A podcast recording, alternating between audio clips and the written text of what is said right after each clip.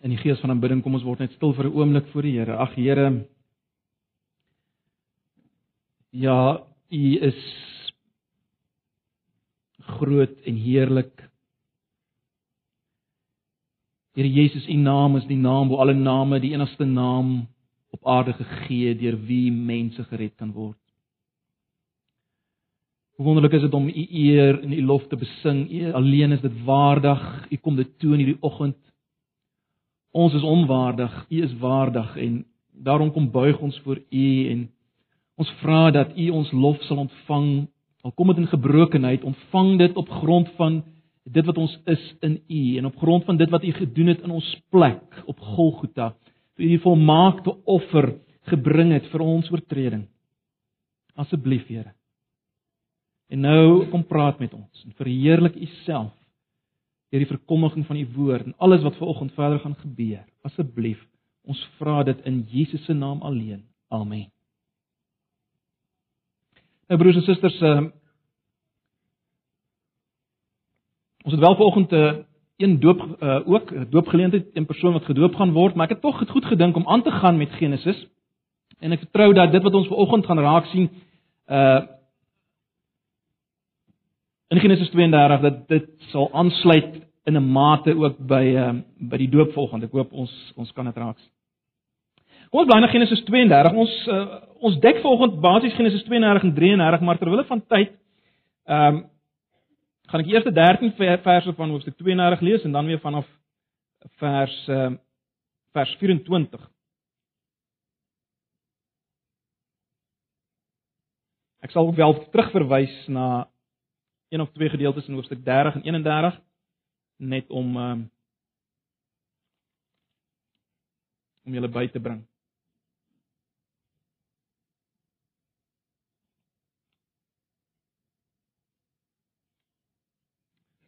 Genesis 32. Jakob het sy koets gegaan en engele van God het hom teëgekom. Toe Jakob hulle sien, sê hy: "Dit is 'n leer van God." En Jakob het die plek Maganaim genoem. Daarna het Jakob boodskappers vooruitgestuur na sy broer Esau toe na die Seerstreek toe, eh, die gebied van Edom. Jakob het vir hulle gesê: "So moet julle vir my geagte broer vir Esau sê, so sê Jakob wat aan u onderdanig wil wees. Ek het tot nou toe by Laban gebly. Ek besit beeste, donkies, kleinvee, slawe en slavinne. Ek laat u dit weet om te verneem of ek by u welkom sal wees." Die boodskappers het na Jakob toe teruggekom en kom sê: "Ons het by u broer Esau aangekom, maar toe was hy al op pad na u toe met 400 man by hom." Jakob het baie bang geword. Angs het hom oorval. Toe deel hy die mense by hom en die kleinvee, die beeste en die kamele in twee groepe, want hy het gedink as eers by die eerste groep kom en dit uitwis, wel kan die ander groep dalk wegkom. Daarna het Jakob gebid: Here, God van my voorvader Abraham, God van my vader Isak, U wat vir my gesê het om terug te gaan na my land en my familie toe, en U sal goed doen aan my. Ek is al U guns bewys en nie werd nie, ook nie die trou waarmee U my versorg het nie. Toe destyds deur die Jordanus het ek net my kierie gehad en nou het ek hierdie twee groot groepe. Red my tog uit die mag van my broer Esau. Ek is bang vir hom. Hy kan dalk kom en my doodmaak en ook die moeders en kinders. U het my tog beloof ek sal beslis goed doen aan jou. Ek sal jou nageslag so baie maak soos die sand van die see wat nie getel kan word nie. En dan vanaf vers 13 lees ons nou hoe Jakob planne maak om uh, Esau te ontmoet, die geskenke wat hy voorberei en stuk stuk vooruit wil stuur. Kom ons lees nou van vers 24. Jakob het alleen daar agtergebly. Dis by die Jabok rivier waarvan ons lees daarvan in vers 22. Jakob het alleen daar agtergebly en 'n man het tot dagbreek met hom gestoei. Toe die man agterkom dat hy nie vir Jakob kan wen nie, het hy uit die man terwyl hy met hom stoei vir Jakob teen die heup geslaan sodat dit uit die potjie gespring het. Die man het vir Jakob gesê: "Los my want die dag breek." Jakob het geantwoord: "Ek sal jou nie los as jy ek sal jou net los as jy my seën." Toe vra die man: "Wat is jou naam?" En hy antwoord: "Jakob." Die man het gesê: "Jy sal nie meer Jakob genoem word nie, maar Israel, want jy het teen God en teen die mense stryd gevoer en jy het dit end uit volgehou." Toe sê Jakob: "Sê my tog jou naam." En die man vra: "Waarom vra jy my naam?" Hy het Jakob net daar geseën en Jakob het die plek Pniel genoem, want hy het gesê: "Ek het God van aangesig tot aangesig gesien en tog het ek nie omgekom nie." Net toe Jakob by Pniel verbygaan en die son opgekom, Jakob het mank gebly aan sy heup en daarmee het die Israeliete tot nou toe nie die senuwee wat aan die heup vaskom nie. want die man het vir Jakob teen sy heup geslaan op die heup senuwee. En dan in vers 33 uh, is dit maar net nou, nou die ontmoeting met Esau. Uh Ek gaan nie alles lees. Kyk net na vers 8, die ironiese vers 8. Toe vra Esau en wat is jou bedoeling met al daai goed wat wat ek gekry het? En Jakob antwoord dis om u vriendskap te wen. Vers 9, maar Esau sê vir hom broer, ek besit selfs baie wat joune is, moet joune bly en dan gaan hy so aan en dan sien ons hoe die uh hoe daar versoening plaasvind. Julle moet onsself rustig weer gaan lees die van julle wat nog nie gelees het nie, soos ek sê dis ter wille van tyd wat ons nou uh maar bietjie vinnig hier deurgaan. Nou broers en susters, ek wil begin om te sê ek dink nie ek's verkeerd as ek sê dat ek dat ons wat hier is sekerlik bewus is van die feit dat as jy 'n Christen is, beteken dit nie dat jy geestelik alreeds gearriveer het nie. Met ander woorde om dit anders te stel, as God jou geroep het en jou gered het, dan is jy geregverdig voor God. Jy staan voor God in die regte verhouding. Jy's vrygespreek. Maar, baie belangrik, wat jou hier en nou praktiese lewe elke dag behels, jou lewe vir God, jou bruikbaarheid vir God.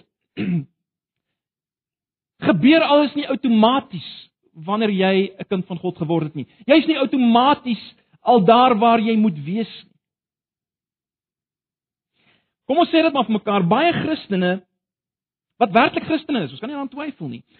Baie mense wat regtig Christene is, leef prakties elke dag eintlik los van God, sonder God. Baie keer is hulle geweldig geseënd met baie dinge. Maar hulle sien nog nie dat God en veral God soos hy in Jesus homself openbaar het, dat hy self die groot seëning is waarmee God ons wil seën. Hulle sien dit nog.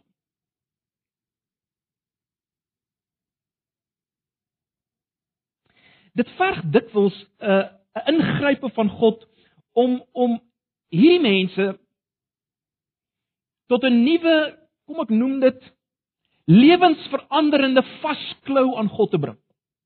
Ek sê weer, dit kos dikwels 'n ingrype van God om mense wat reeds Christene is te bring tot 'n werklike vasgryp aan God alleen. 'n Lewensveranderde vasklou aan hom. Of as as jy dit wil anders stel, om te kom by daardie punt waar Paulus gekom het toe hy gesê het as ek swak is, dan is ek sterk. En broers en susters, dis omtrent hierdie lewensveranderende vasklou aan God. Uh wat die Heilige Gees ons wil leer deur die lewe van Jakob. Onthou Romeine 15 vers 4 wat wat sê alles wat tevore opgeskrywe is, ook dit wat met Jakob gebeur het, is vir ons opgeskrywe. Ons wat leef in hierdie tyd na Christus. Dis vir ons om daai te leer, om, om dinge raak te sien. En ek ek ek wil hê ons moet daarna kyk. En ek vertrou ook dat as ons nou vanoggend getuies is van van Corrie se doop, dat dat hierdie gedeelte ons ook sal help om om weer te besef wat die doop eintlik vir ons sê en en, en waaraan die doop ons wil herinner. Vertrou dit sal so wees.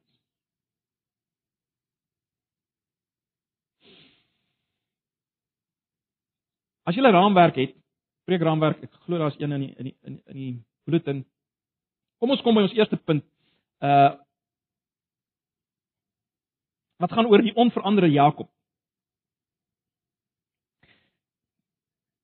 Dis net om ons self net weer bietjie in in in die prentjie te bring. Ons weet dat Jakob die een was deur wie die verbondslyn sou loop. Nie Esau nie, maar Jakob. Jakob is die een deur wie die verbondslyn sou loop. God het Jakob gekies, né? Nee. Maar ons het gesien hoe lyk Jakob, né, nee, in die Sondag wat verby is. Het ons gesien hoe lyk Jakob? Ons het gesien hy het uit 'n ouer huis gekom wat baie twyfelagtig was. Daar was voortrekkery en valsheid in sy huis. Ja, in die verbondslyn. Voortrekkery en valsheid. En ons gesien Jakob se lewe self is gekenmerk deur leuns en voorgee. Dit terloop sy naam beteken dit. Nee, dis wat sy naam Jakob beteken. Bedrieër. Twee sonnae gelede het ons gesien dat selfs die visioen wat Jakob gekry het, daai wonderlike visioen van die leer, selfs dit het hom nie werklik verander nie. Selfs daar het hy nie werklik gehoor wat God vir hom sê nie. Hy kom met allerlei voorwaardes na God en allerlei beloftes uh wat draai om die hier en die nou en al die voorspoed wat hy nou kan kry. Ons het gesien waar waar God vir Abraham as te ware beveel het, beveel Jakob vir God. Waar God vir Abraham getoets het, toets Jakob eintlik vir God.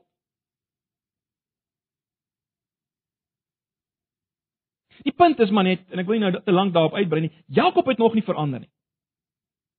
Maar die Here het hom geseën, moenie 'n fout maak nie, wat betref kinders en rykdom. Uh as jy miskien net kyk na hoofstuk 30 vers 43, dan dan lees ons die volgende. In Genesis 30 vers 43. Die man het al hoe ryker geword. Hy het baie kleinvee, slavinne, slawe, kamele en donkies gehad. So moenie 'n fout maak nie, dit gaan goed. En dit is die Here se seëning, dit was nie omdat hy so oulik was. Maar dan kan jy gou kyk na hoofstuk 31 vers 20. Daar daar skimmer weer iets deur, né, nee, in hoofstuk 31 vers 20. sien julle dit? Jakob het ook vir Laban die armeer bedrieg. Jakob het ook vir Laban die armeer bedrieg deur hom nie te vertel van sy vlug nie. So Jakob was nog steeds dit wat hy in sy wese was, dit wat voor sy naam staan bedreig. Hy was dit nog steeds hierso. Ja, selfs na daai belewing van die engel op die leer. En daar's 'n interessante versie daar in vers 19 net voor vers 20 van hoofstuk 31 waar ons lees Laban was weg om skape te gaan skeer. Toe steel Rachel haar pa se afgodsbeeldjies. So ek wil nie daarop uitbrei nie, maar dinge was nie so lekker in hierdie gesin nie. Hier's nog afgodsbeeldjies wat So dinge was nie heeltemal lekker. Om die lang storie kort te maak, broers en susters, kom ek sê dit so die konflik en die konflikprobleme en die karakterprobleme wat Jakob se lewe aan die begin gekenmerk het, was nog daar en ons sien al meer dat hy ook saai wat hy maai, die beginsel van Galasiërs 6 vers 7, as Laban hom nou weer bedrieg. Ons sien dit. Maar dit bring ons nou by vandag se gedeelte. En ek dink wat ons moet raak sien vandag is is dit daar het 'n transformasie, 'n verandering plaasgevind hier by Pniel. Ek dink dis wat die Heilige Gees wil hê ons moet sien. Hoekom sê ek so? Wel, kyk net vanaand weer na vers 28. Vers 28. Die man het gesê jy sal nie meer Jakob genoem word nie, maar Israel. Dis die groot ding wat ek wil wat moet raak nie. Ek gaan net nou sal ek bietjie oor uh, vers 28 praat. Ek weet is nie dalk nie so maklik om te verstaan nie. Ons gaan daarna kyk. Al wat ek wil julle moet raak sien is hier. Daar daar daar da vind 'n naamsverandering plaas. Nou 'n naamsverandering veral in die Ou Testament, 'n naamsverandering het gedui op 'n totale identiteitsverandering. Onthou, jou naam het gesê wie jy is. En in vers 28 sien ons daar gaan 'n naamsverandering plaas. Daar vind 'n naamsverandering plaas. So dis waaroor dit gaan. Dis waaroor dit gaan hier. Net vinnig 'n bietjie van die konteks. Uh in Genesis 32 bevind Jakob hom nou nie meer uh, of laat ek so sê, hy bevind hom weer eintlik in die land Kanaan, nê, nee, op die grens van die land Kanaan.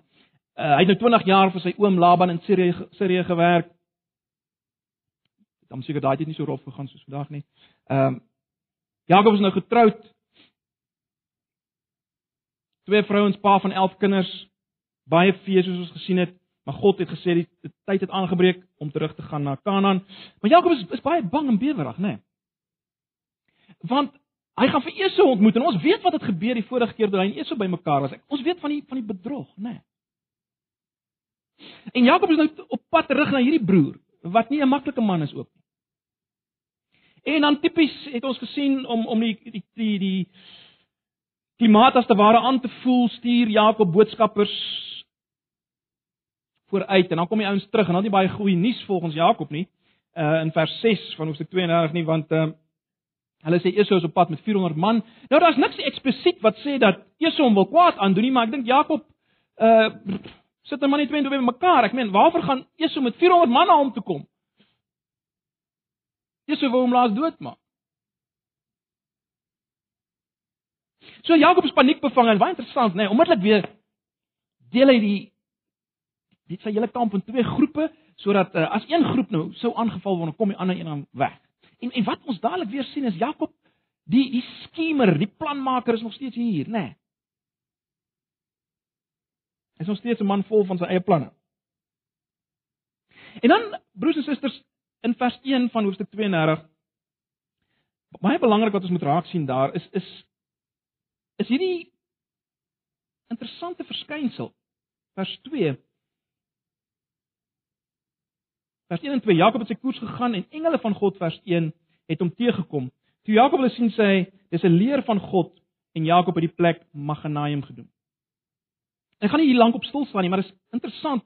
Uh jy sien baie besonderhede hier oor, maar dit lyk amper asof Jakob iets soortgelyk beleef het as wat Elisa op 'n stadium beleef het, toe die Here sy oë oopgemaak het en hom laat sien kyk. Daar's 'n hele leer mag aan jou kant. Iets daarvan sien Jakob hier.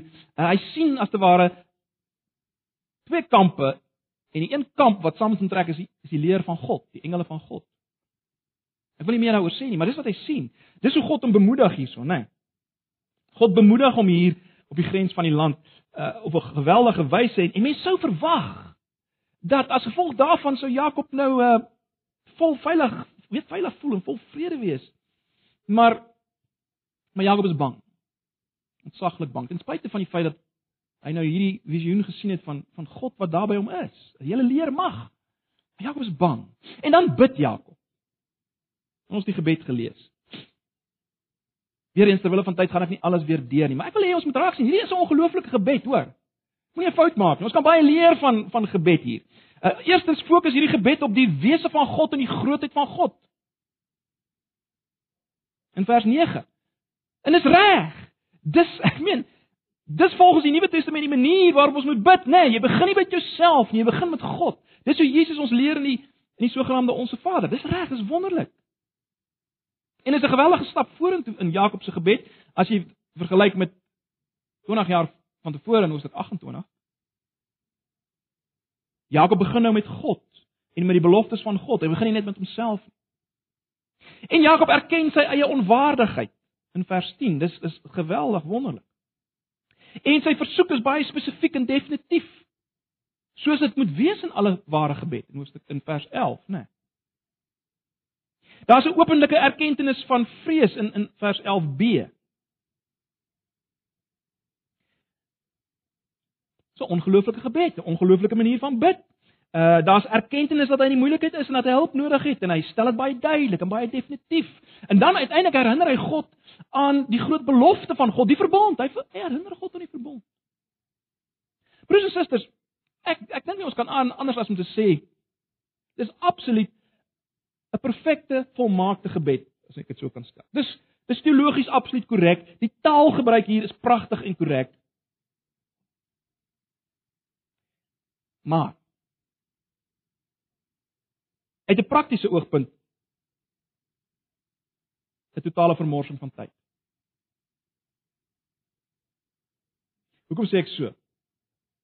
Want die volgende gedeelte wat ons nou nie in besonderhede gelees het nie terwyl van tyd Die die volgende gedeelte wys dat dat Jakob oënskynlik nie 'n woord geglo het van dit wat hy gebid het nie. Nie in sy hart nie, want hy hy maak planne self om hierdie hele situasie te hanteer in vers 13 tot 15. Dis geweldige duur presente terloops wat hy vir Jakob voorberei en hy hy, besluit dat hy dit seker so stuk stuk gaan stuur, nê, net soos soos eers sou oorweldig is deur die eerste een dan kom die volgende een.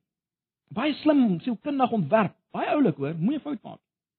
Om sy broer te beïndruk om die gevoelens van vyandskap te oorkom, het hy baie fyn gedink. Hy sê stupid nie. Lyk amper asof hy sielkundige swat het daai tyd. Maar uh, hy's baie slim. Om homself van sy broer se woede te bevry. Maar broers en susters, daar's nie die geringste aanleiding hier in hierdie beplanning dat hy verwag het dat God iets gaan doen in antwoord op sy gebed nie. Nou, ek weet, sommige mense sal sê wag, wag Jakobus, nou gaan jy te ver. Dit is tog so dat ons nie net kan bid nie, ons moet ook optree. Is dit nie maar net wat Jakob gedoen het nie? Hy het nou gebid en nou tree ook op. Dis waar, ek stem saam. Ons kan nie net deur lewe gaan net bid en ons ons tree nooit op en doen dinge nie. Verseker. Maar dis nie wat hier in die gang is nie. En ek ek is redelik oortuig dis nie wat die skrywer onder leiding van die Heilige Gees wil uitwys nie. Die skrywer wil uitwys dat Jakob nog nie by die punt was waar hy geglo het wat hy gebid het. Hoekom sê ek so? Daar's drie redes. Ek gaan dit vinnig noem. Die eerste is ons het hier te maak met Jakob en Esau. Dis twee absolute groot betekenisvolle name in die hele heilsgeskiedenis in die Bybel. Jakob sal julle weet is dwars deur die skrif. Gaan lees maar veral Jesaja en ander gedeeltes. Jakob is die simbool van van God se uitverkore man. Die man van geloof, die man wat God moet vertrou en God vertrou. Esau aan die ander kant is altyd die man van ongeloof. Tot in Hebreërs lees ons dit. Ehm uh, Hy is die selfgesentreerde, materialistiese man uh wat sy eie op homself vertrou en sy eie vaardighede. Dis hoe die, die res van die skrif hierdie twee figure uitbou. En daarom broers en susters, omdat dit so is, uh is ek oortuig dat die Heilige Gees deur die skrywer wil wys dat Jakob hier nie gedoen het wat hy ver, veronderstel was om te doen as God se uitverkorene. Dis die eerste rede. Hoekom ek sê dit gaan hier daaroor. Dat Jakob nie werklik God vertrou het werklik sy gebed geglo het nie. Die tweede rede is is dit. Uh, as Jakob en Esau uiteindelik by mekaar uitkom, dan word Esau hoegenaamd nie beïnvloed deur Jakob se present nie. Dis asof die skrywer vir ons wil wys God het dit gedoen. Stupid Jakob. Daar's geen aanduiding dat Jakob beïnvloed of wat ek so sê dat Esau ehm um, Jakob iets wou aandoen nie. En beïnvloed is deur Jakob se present nie. Om die waarheid te sê, uh, toe Esau na Jakob toe kom, toe gooi hy sy arms om hom, hy het hom gesoen en verwelkom. Ehm um, en in vers 8 wat ons gelees het in effek kyk Esau na al hierdie diere en hy sê in 'n sin Wat op aarde is dit? Is jy reg?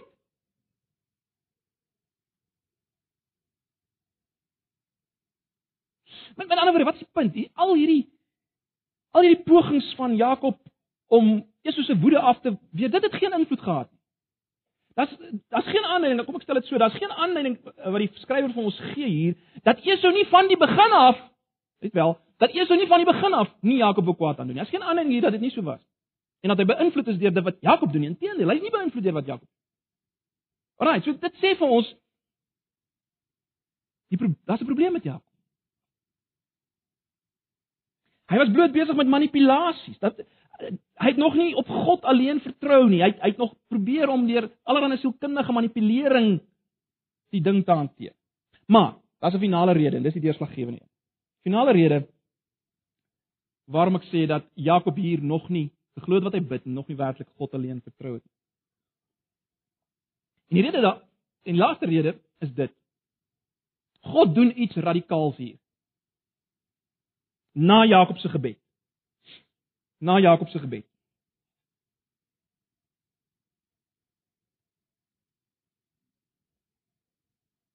Dis wat ons gelees het daarvan af vers 24. God tree in 'n geveg met Jakob. Net wel ek sê God tree in 'n geveg want dit is baie duidelik. Kyk net wat kyk net na vers 28. Die man het gesê jy sal nie meer Jakob genoem word nie, maar Israel want jy het teen God en teen mense stryd gevoer.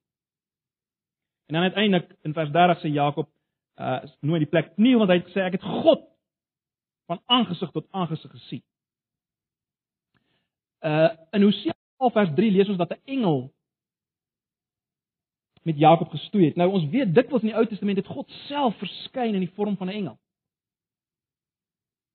Hoe dit ook al sê broers en susters, wat ek en jy moet sien is dat alhoewel hierdie geveg wat ons hier kry, hierdie hierdie stoei geveg in terme van 'n fisiese stoei geveg beskryf word, moet ons dit baie duidelik verstaan as 'n geestelike geveg. Hoekom? Want Jakob is omtrent 97 jaar oud hierso. As jy mense dit gaan uitwerk, slim ouens werk dit vir ons uit dan kom jy daarby uit. Hy is diep in sy 90ste min. So so wat is die punt? Jakob was nie fisiese uh opgewasse teen 'n bonatuurlike wese. God sê van menslike vorm nie, daar's nie manier nie. En in vers 25 sien ons dit is geen probleem vir hierdie wese teen wie hy stoei hierdie hierdie God 'n menslike vorm. Daar's geen probleem om Jakob net skade aan te doen. So ons moet dit raak sien. En daarom as die as hierdie stoeier nie in staat is om Jakob te oorwin nie, dan is dit geestelik gesproke, né? En die rede daarvoor is dat Jakob wil nie geestelik oorgee nie. En uiteindelik sien ons dit gaan oor 'n naamsverandering, né? Ons het daaroor gepraat. Dis waaroor hierdie hele stryd gaan. Gaan oor verandering. Oor naamsverandering. So die oorwinning oor God is nie so seer oor omrede God te swak was of oorgegee het. Dis nie waaroor dit hier gaan nie. Dis oor dat Jakob oorgegee het. By God oorwin jy deur te verloor, maar ons gaan nou nou weer daaroor praat. Net sodat julle al wat julle moet raak sien is dat hier gaan dit nie so seer oor net 'n fisiese geveg nie, maar iets geestelik. Geestelike geveg. En die skrywer wil hê ons moet dit raak sien. Baie belangrik broers en susters. Wat ons moet sien is dat Jakob in vers 28 gekonfronteer word met 'n uiters belangrike vraag.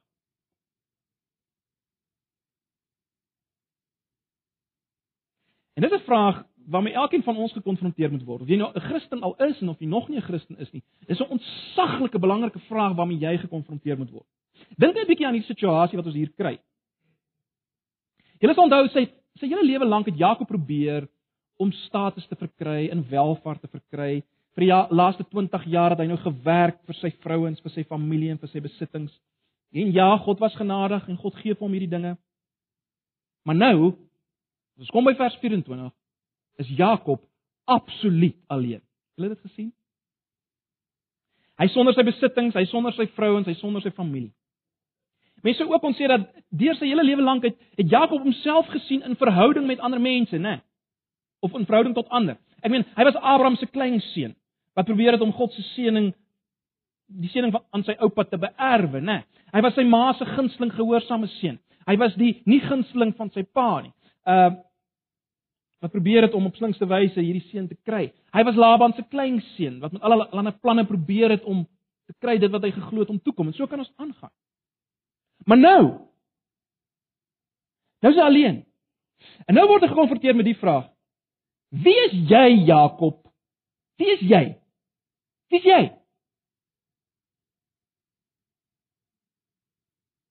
En broers en susters, dis die vraag waarmee God ons elkeen wil konfronteer. Wie is jy regtig? Dis die vraag daar in vers 28. Wie is jy as jy alleen is voor God, Jakob?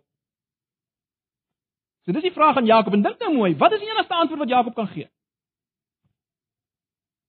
Ek is Jakob. Maar wat is Jakob? Wie is Jakob? Bedrieger. Lena.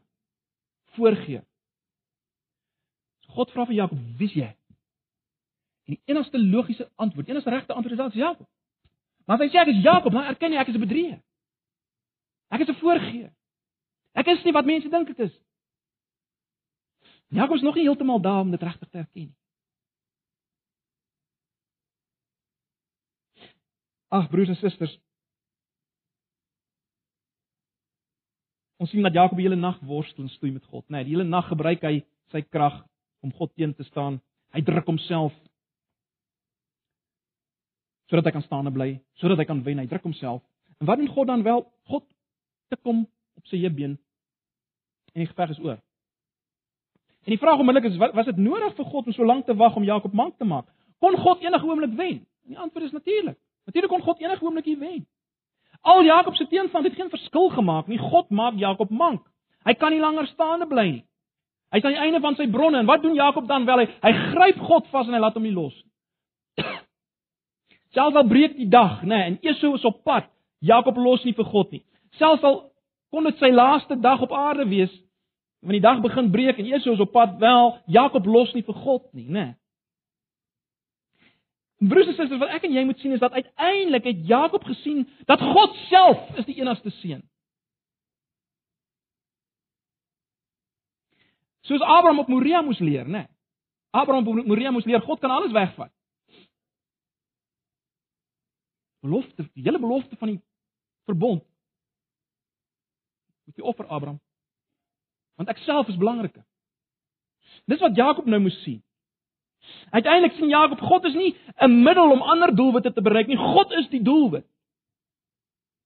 En wat Jakob daarom in effek hier sê is dit: Here, bo alles begeer ek U. Jy sien, Jakob het aanvanklik gedink sy grootste probleem is Esau. En voordat het hy gedink sy grootste probleem is om om die seëning in die hande te kry. En hy het gedink sy eh, op bestaan gedink Laban is sy groot probleem in die lewe. Hy het nie besef God is sy groot probleem in die lewe nie. Hy het God nodig bo alles. En nou het hy by daai punt gekom. By God alleen vasgryp. God self is die enigste een wat tel, die enigste seëning wat tel. Wat gee God vir Jakob as hy hom vasgryp en sê seën my? Wat gee God vir Jakob? Wel, Waarmee seën hy hom? Hy gee Jakob 'n nuwe naam, 'n nuwe identiteit, né? Nee. Jakob het hier fundamenteel verander en en en sy naam sou dit wys en reflekteer. Wat beteken Israel? En dis hier waar ons bietjie moet konsentreer. Nou, op die oog af In die lig van vers 28 lyk dit of Israel beteken hy het God oorwin. Dis hoe dit letterlik in die 53 vertaling staan.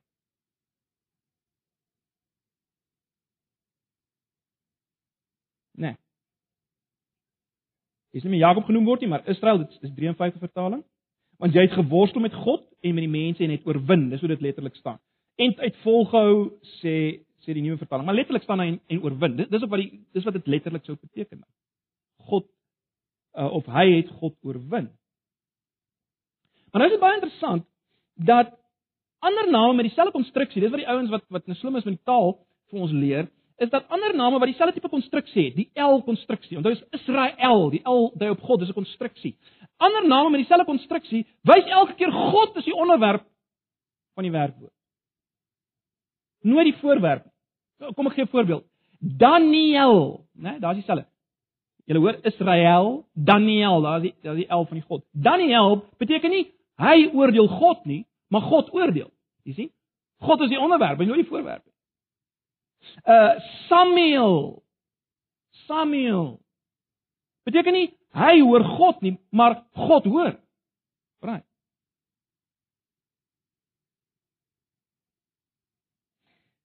So daarom is is alle aanleidinge hier dat dit dat die naam Israel beteken nie hy het God oorwin nie, maar God oorwin. en en broers en susters terloops. Soos dit in die 53 vertaling staan, het het, het het Jakob mense oorwin. Om die waarheid te sê nee, hy hy was eintlik 'n groot mislukking, hoor, in al sy verhoudings. Het hy God oorwin? Nee, God het hom doef op sy heup geslaan. Tjoef, alles oor. So hoe moet ons vers 28 verstaan? Hoe moet ons vers 28 verstaan? Wel, ek stem saam met die kommentatore wat sê ons het hier te doen met 'n stuk ironie en die skrywer skrywer glo ons gaan dit raak sien. Hier's 'n stuk ironie. Kom ek half julle aan soos een uh, een kommentator James Montgomery Boyce, hy stel dit so. Luister mooi. Hy sê in his battle with God, Jacob suffers a reversal of his fortunes, which is actually his victory. He loses his wrestling match with God, God touches his hip and he is permanently wounded. But in the divine logic, which is beyond our full comprehension, this loss is Jacob's victory.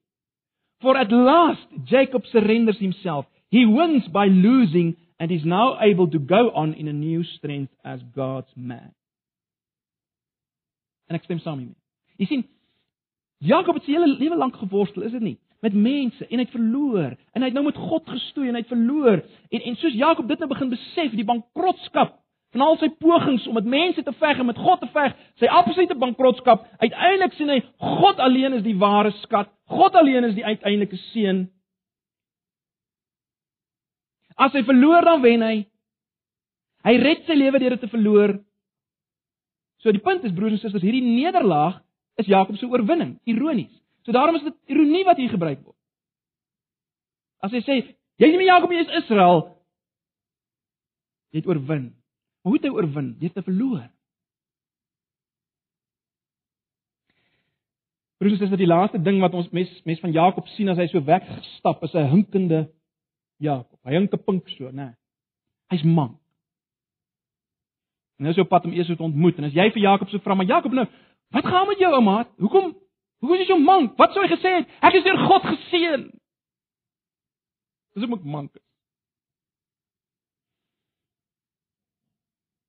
Ek is nou mank, maar ek is geseënd. Ek is nou Israel. Ek weet nou God oorwin. Dis my nuwe naam, my nuwe identiteit.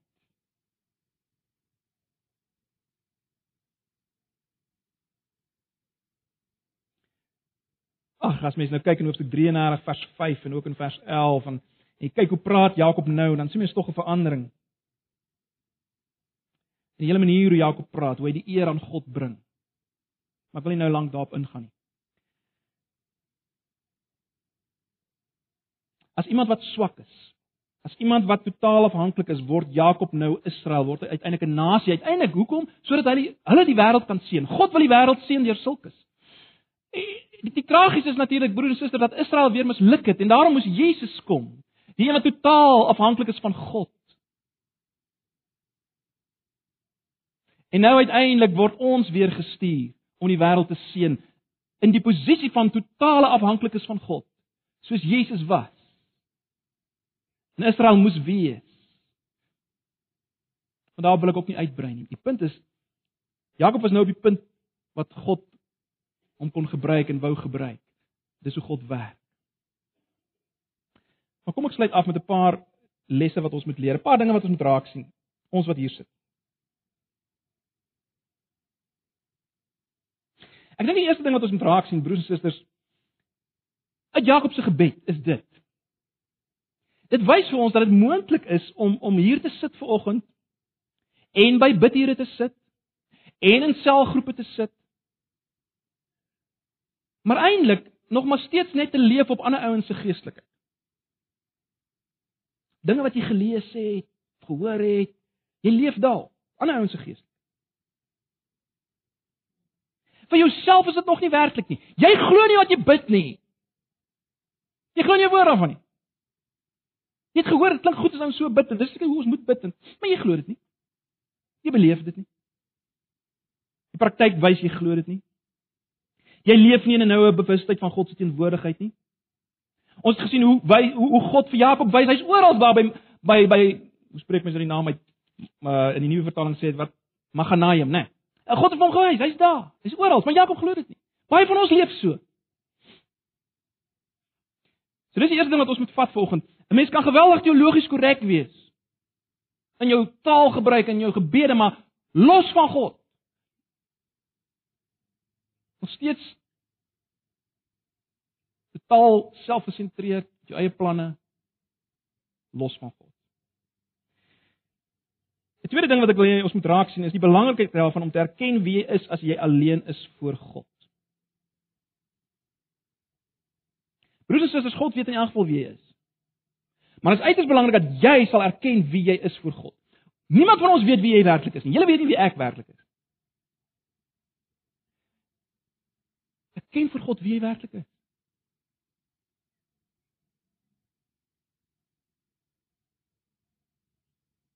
Jy sal weet wie werklik is. Sê dit. Erken dit vir hom. Dis die beginpunt van verandering. Derdens. Baie belangrik. Jou groot worsteling in hierdie lewe, let op, is nie met die Satan of met ander mense nie. Da, daarmee sê ek ons nie ons het nie 'n worsteling met die Satan en ander mense nie. Maar jou groot worsteling, wie wat? Jou groot worsteling in die lewe is met God. Wat is jou groot worsteling? En my groot worsteling. Die groot worsteling is om weer jou plek in te neem, jou regmatige plek voor God van totale afhanklikheid. Dis die worsteling in ons lewens. Dis jou probleem. Jy dink miskien jou probleem is jou huwelik en jou kinders en jou werksituasie en jou finansies en al daai goed. Dis jou probleem. Dis nie jou probleem nie. God is jou probleem. God is jou probleem.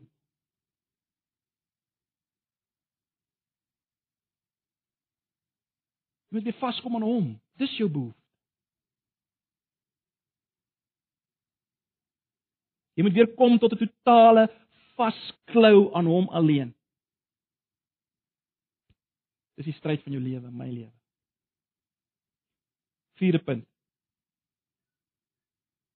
As daar een ding is wat ons sukkel om te vat, nê, nee, is is is dit dit. God se seën van ons gaan gepaard met ons, kom ek noem dit verwonding.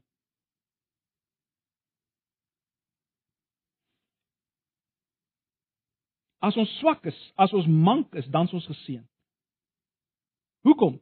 Want dan alleen klou ons aan hom en hom alleen vas, né? Nee, en dis om geseën te wees. So wat doen God? Hy slaan ons mank. Hy verwond ons.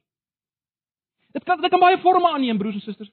Dit kan die vorm aanneem van die dood van 'n geliefde. Dit kan die vorm aanneem van 'n siekte. Dit kan die vorm aanneem van 'n huweliksprobleem. Ek ek daar's ons honderde maniere wat God dit doen, maar hy wil jou kry by 'n punt van mankheid En dan hou jy aan hom alleen vas en dan is jy geseën. So wat ons moet raak sien is dit, God se seëning in my wonde of my mankheid gaan saam. Dis wat God wil hê. Hy wil hê jy moet aan Jesus en hom alleen vasklou. En dis waar jou bruikbaarheid lê. As jy op daai punt is, is jy bruikbaar. 2 Korintiërs 12. Ek ek ek kan dit nie beter stel as Paulus self. 2 Korintiërs 12.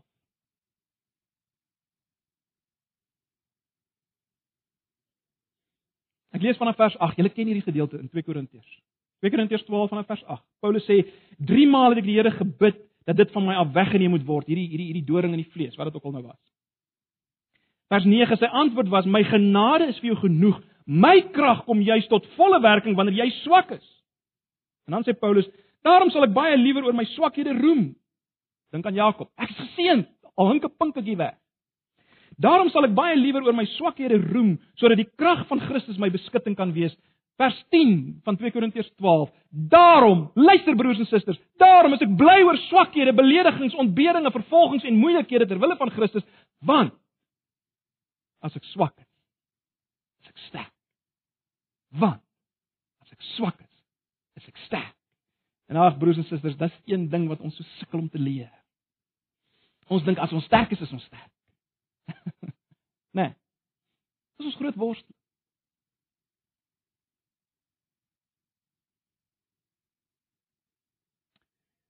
Ek sluit af. Wat het dit alles te maak vanoggend met die doop wat ons gaan aanskou? Wel alles. Alles. Hoekom sê ek so? Wat sê iemand wat gedoop word? Hy of sy sê per definisie, soos ek gebore is, kan ek nie uiteindelik voor God gaan staan. Ek kan net aanvaarbaar wees vir God as God my sien as iemand wat vasgekleef is aan Jesus in so 'n mate dat ons een is. Dan alleen is ek aanvaarbaar vir God. En dis wat die doop afbeeld, is dit nie? Die doop sê sigbaar, die ou mens wat ek was met al my eie planne en al my idees het gesterf saam met Christus.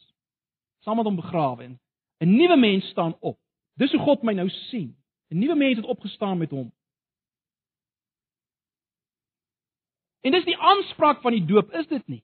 Die aanspraak van die doop broers en susters is nou om in praktyk elke keer weer in die praktyk te lewe volgens dit wat ek sê met my doop, dat ek een is saam met Jesus, my ou mens wat in beheer was, wat sterk was, is dood. Het gesterf saam met Christus. Ek is nou 'n mens wat een is met hom. Dis die nuwe mens wat ek is.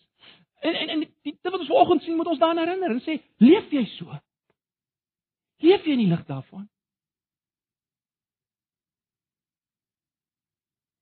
In die lig van jou nuwe identiteit, jou nuwe naam, Christen, een met Jesus, dis jou nuwe identiteit.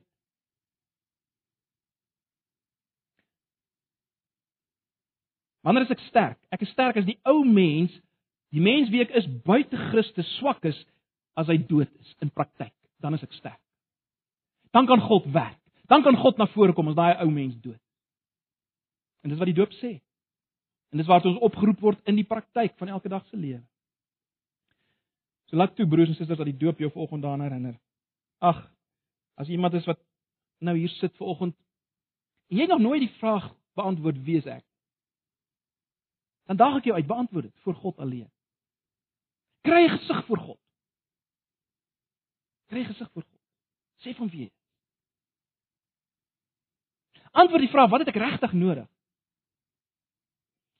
Begin besef wat is jou regte probleem? Nie wat jy gedink het. Jou probleem is God. Ag. Vanoggend is 'n goeie tyd ook by die doopsgeleentheid. Goeie tyd om om Jesus weer opnuut vas te gryp, né? Nee. Ons elkeen. Ons elkeen sal dit goed wees om vanoggend weer hierdie geloof Jesus vas te gryp. My nuwe identiteit te hoor en te leef in die lig daarvan. Kom ons gebruik vanoggend so. Amen. Kom ons bid saam. Ag Here. Baie dankie vir u woord. Ag, ons bring dit in swakheid en gebrokenheid, maar ek wil vra dat u dit sal gebruik en dat u dit ook nou sal bevestig. Dit wat nou gaan gebeur, asseblief. Aan u kom al die eer, al die lof en al die aanbidding. Dankie dat u ons nie los nie. Dankie dat u ons as te ware by wyse van spreuke weer en weer by pniel wil bring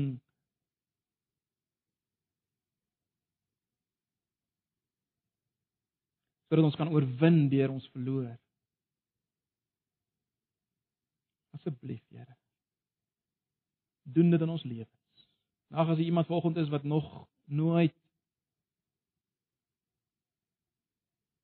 U omhels het verlewe nie.